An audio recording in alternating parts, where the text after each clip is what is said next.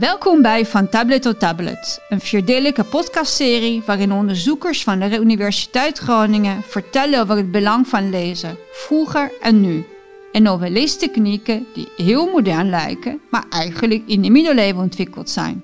Mijn naam is Sabrina Corbellini, hoogleraar op het gebied van de geschiedenis van het lezen in premoderne Europa bij de Rijksuniversiteit Groningen. Wetenschappelijk onderzoeker Pieter Boonstra bezoekt samen met vier collega-onderzoekers bijzondere plaatsen van kennis en gaat daar met ze in gesprek over een onderzoek naar boeken, lezers en leestechnieken, van wastablet tot tabletcomputer. Deel 3. Renske Hof in de Libraïe, Zutphen. Informatiemanagement in de middeleeuwen. Tegenwoordig is bijna alles binnen een paar seconden te vinden.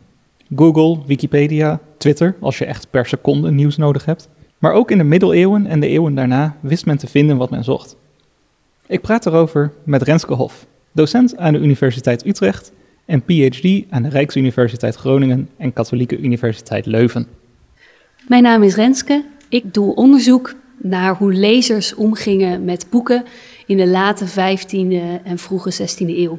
En daarbij kijk ik naar een aantal aspecten. Een van de vragen die ik bijvoorbeeld stel is: hoe vonden de lezers uh, de informatie die zij nodig hadden? Hoe vonden ze hun weg binnen de boeken die ze lazen? Uh, maar ook wat deden zij vervolgens met die boeken? Maakten ze daar aanpassingen in? Lieten zij daar aantekeningen in achter? Hoe kunnen we op die manier een inkijkje krijgen in de manier waarop zij met die boeken omgingen in die periode? We zijn hier in de Libreie in Zutphen aan de Walburgiskerk, of eigenlijk een half een onderdeel van de kerk zelf. Je loopt vanuit het grote hoogkoor direct hier naar binnen. Dit is ingericht als een openbare bibliotheek destijds. Uh, nu niet meer in gebruik, hoewel we nog alle boeken hebben die hier verspreid over verschillende lecternen liggen. En het is ingericht, bedoeld als een openbare bibliotheek, maar bij binnenkomst zie je direct dat alle boeken liggen hier aan de ketting is dit wel, dat, dat geeft toch een beetje het idee van opgesloten kennis waar je niet bij kan komen.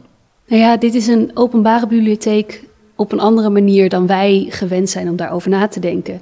Mensen kwamen hier niet om een boek mee te nemen, juist niet, maar om hier ter plaatse de informatie te zoeken die zij nodig hadden. Dus je moet je voorstellen dat op deze manier de kennis die hier in deze bibliotheek van de kerk aanwezig was, juist beschikbaar werd gesteld aan een veel groter publiek. Aan mensen hier in de stad, in Zutphen, die hier naartoe konden komen. Die hier allerlei informatie konden vinden. In, in boeken die gingen over het geloof, maar ook over de rechtspraak. Over ontzettend uiteenlopende onderwerpen. Maar het was niet de bedoeling dat zij die boeken meenamen. Maar juist door ze hier neer te leggen aan de ketting. Uh, als we hier om ons heen kijken, dan zien we inderdaad, zoals je zegt, die verschillende lecternen. Um, met daarop op elke kant nou wat zijn het, drie, zes, acht grote boeken in leer gebonden. Allemaal met een metalen ketting daaraan vast. En mensen konden hier dus naartoe komen om door die boeken te bladeren.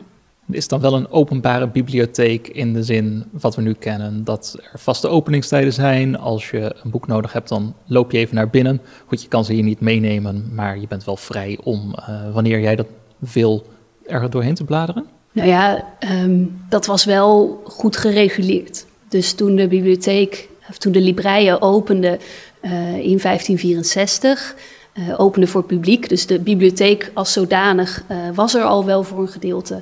Maar op dat moment dat het een openbare bibliotheek werd, toen zijn er 60 sleutels uitgedeeld aan mannen in de stad. Het was niet de bedoeling dat vrouwen hier naartoe kwamen. Maar die mannen die konden dus in principe hierin om gebruik te maken van de bibliotheek. Op een gegeven moment is er besloten dat toch net wat anders aan te pakken. Dat is het moment waarop die boeken aan de ketting zijn gelegd. En er zal hier dus ook wel iemand aanwezig zijn geweest die in de gaten hield uh, dat daar voorzichtig mee om werd gegaan. Dat er toch niet stiekem iets werd meegenomen. Dus het, nou, het, het format is wat anders dan wat wij nu onder een openbare bibliotheek beschouwen. Maar uh, je hebt hier wel een ruimte met boeken gevulde ruimte die bedoeld was om kennis te delen met een groter publiek. Je zegt dat er bij opening zo'n 60 sleutels worden uitgedeeld aan dan wel alleen mannen uh, in de stad, maar dat is best een behoorlijk aantal aan geïnteresseerde burgers, lijkt me. Ja, er was zeker vraag vanuit zo'n stedelijke bevolking naar dergelijke boekenkennis. Ehm, en wat je eigenlijk ziet in deze periode in bredere zin is dat religieuze instellingen um, daarop inspelen. En dat zij op, eigenlijk op allerlei verschillende manieren contact maken met zo'n bevolking en met hen kennis delen. Zoals dat hier gebeurt, maar dat gebeurde ook in de vorm van preken, in de vorm van een soort uh, gespreksgroepen eigenlijk. En wat je ook ziet is dat er best wel veel uitwisseling is van boeken tussen de lekenbevolking, de stedelijke bevolking en religieuze gemeenschappen. Dus je, er zijn tientallen, honderdtallen voorbeelden van gevallen waarin boeken geschonken werden door mensen aan een religieuze instelling. Op dezelfde manier zijn hier nu in de libreien een hele hoop boeken aanwezig waar expliciet in is opgeschreven dat het boek door iemand geschonken is aan de kerk en aan uh, deze bibliotheek. En hetzelfde zie je bij kloosterbibliotheken bijvoorbeeld. We zijn nog wel eens geneigd om na te denken over laat-middeleeuwse, vroegmoderne boekcultuur als iets dat heel, zich heel uitsluitend op, op een kloosterlijke context richt. Maar wat we eigenlijk zien in deze periode is dat dat iets is waar juist ook zo'n stedelijke bevolking uh, heel erg bij betrokken is en een belangrijke rol in speelt. En dat die kennisoverdracht veel meer een wederzijdse activiteit is dan iets dat enkel binnen de muren van een klooster zich afspeelt. Er is dus binnen de steden en tussen de kloosters en de, de stedelijke bevolking is er zo'n wisselwerking. Worden heel veel boeken gedeeld en heen en weer gestuurd. Uh, maar hoe moet ik me nou voorstellen dat een bezoeker komt hier bij de Librei, het is midden 16e eeuw, en die wil iets inzien. Hij pakt een boek en begint daar lukraak in te bladeren. Hoe vind je nou als gebruiker van een bibliotheek, hoe vind je nou wat je nodig hebt? Ja, dat is een uitstekende vraag. Um, je moet je voorstellen dat die, die, boeken die wij hier nu om ons heen zien, dat zijn boeken nou, die zijn, zijn zo dik als een vuist, als niet meer. Je kunt niet zomaar op pagina 1 beginnen en dan maar hopen dat het goed komt. Dus wat je ziet is eigenlijk dat ook al in de middeleeuwen, ook in handgeschreven boeken, er eigenlijk allerlei middelen worden toegevoegd in dat boek om het bewegen door zo'n boek makkelijker te maken. Om mensen te helpen de informatie te vinden die zij nodig hebben.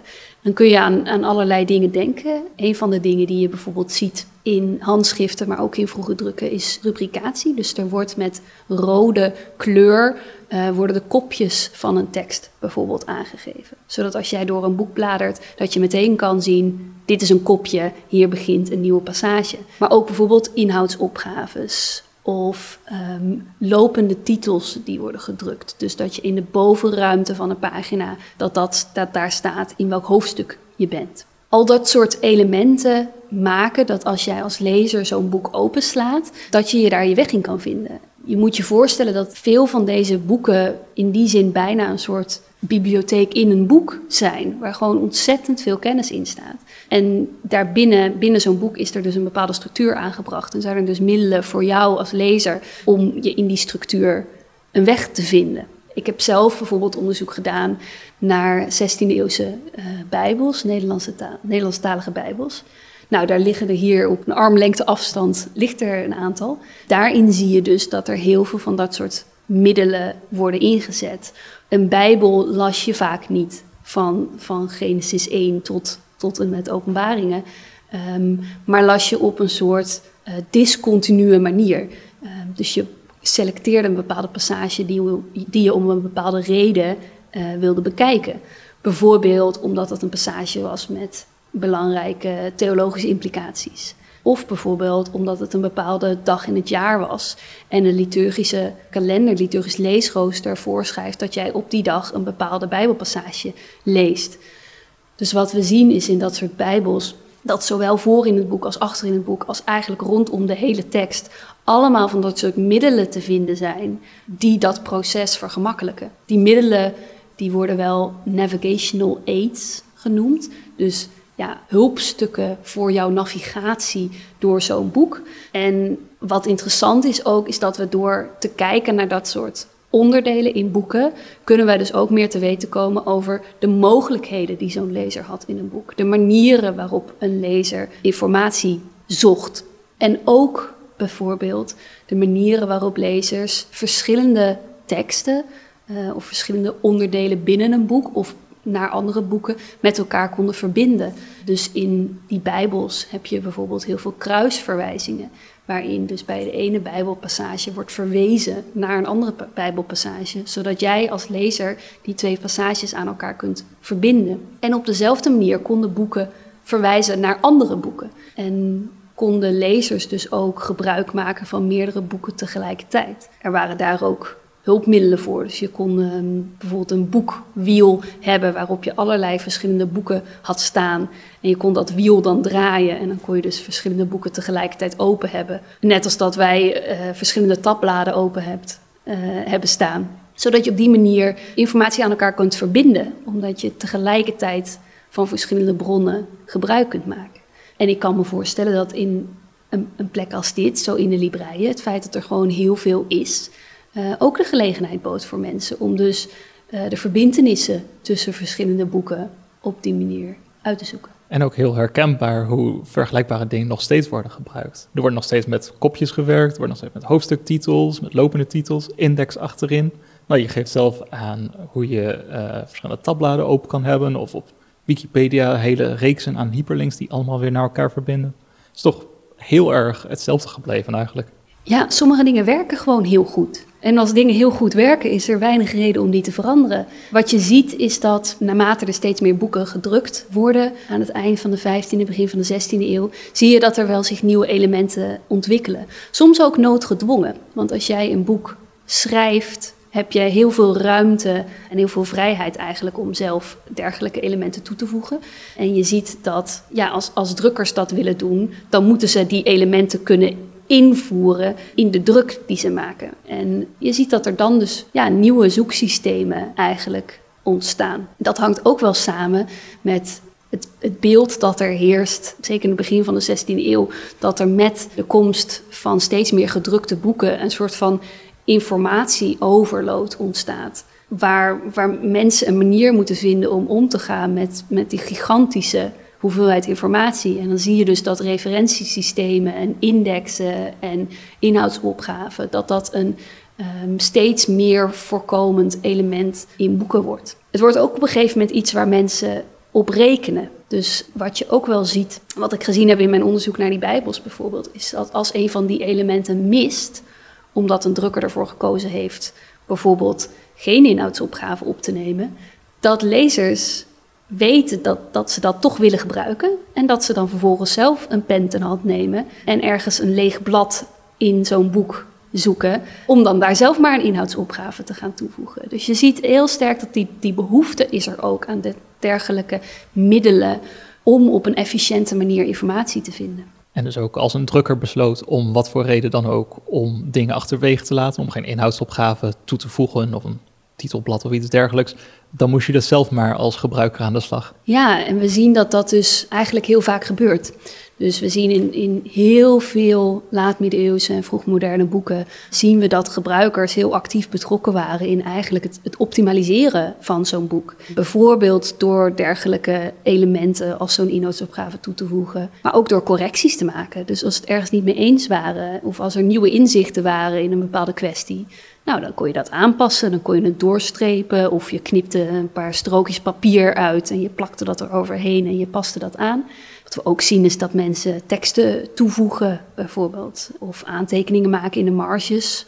Um, maar ook bijvoorbeeld gewoon een andere tekst pakken en die in je boek plakken. Als jij vindt dat dat essentiële informatie is om erbij te hebben, dan waren gebruikers daar, daar heel actief in. Heel veel boeken hier in de libreien dragen ook aantekeningen en, en sporen van gebruik. En dat is uiteenlopend van, uh, van hele van grote theologische inzichten. Maar er ligt hier achter ons ook een schoolboekje van een Latijnse school waar kinderen aantekeningen hebben gemaakt. En soms misschien niet enorm geconcentreerd waren op hun lessen, want er zijn daar ook een soort ganzen in getekend. Dus je ziet dat zo'n boek ook in zo'n bibliotheek een, een, een gebruiksobject was. En een object was dat doorleefde vanaf het moment dat het gedrukt werd. Zo'n boek heeft een ja, heeft een leven, heeft een bestaan en is in voortdurende interactie met gebruikers. Die gebruikers waren in de 15e, 16e, 17e eeuw geen passieve lezers die, die, die stilletjes met een uh, boekje in een hoekje zaten. Maar juist gebruikers die heel actief betrokken waren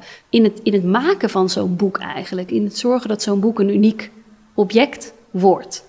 En ja, voor mezelf is, is dat ook wel wat dit onderzoek zo ontzettend interessant maakt. Elke keer als je naar een bibliotheek gaat om zo'n boek open te slaan, weet je niet wat, je kunt, wat, wat, wat eraan komt. Het, het kan ontzettend uiteenlopen en elk boek heeft zijn eigen levensloop.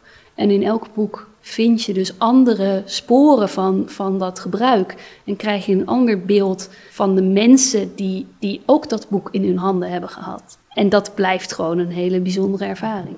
Dat is toch ook prachtig om te zien als onderzoeker dat je vijf eeuwen later dat je kan zien dat ergens ooit een schooljongetje zich stierlijk verveelde en dus maar uh, ganzen ging tekenen in zijn boekje.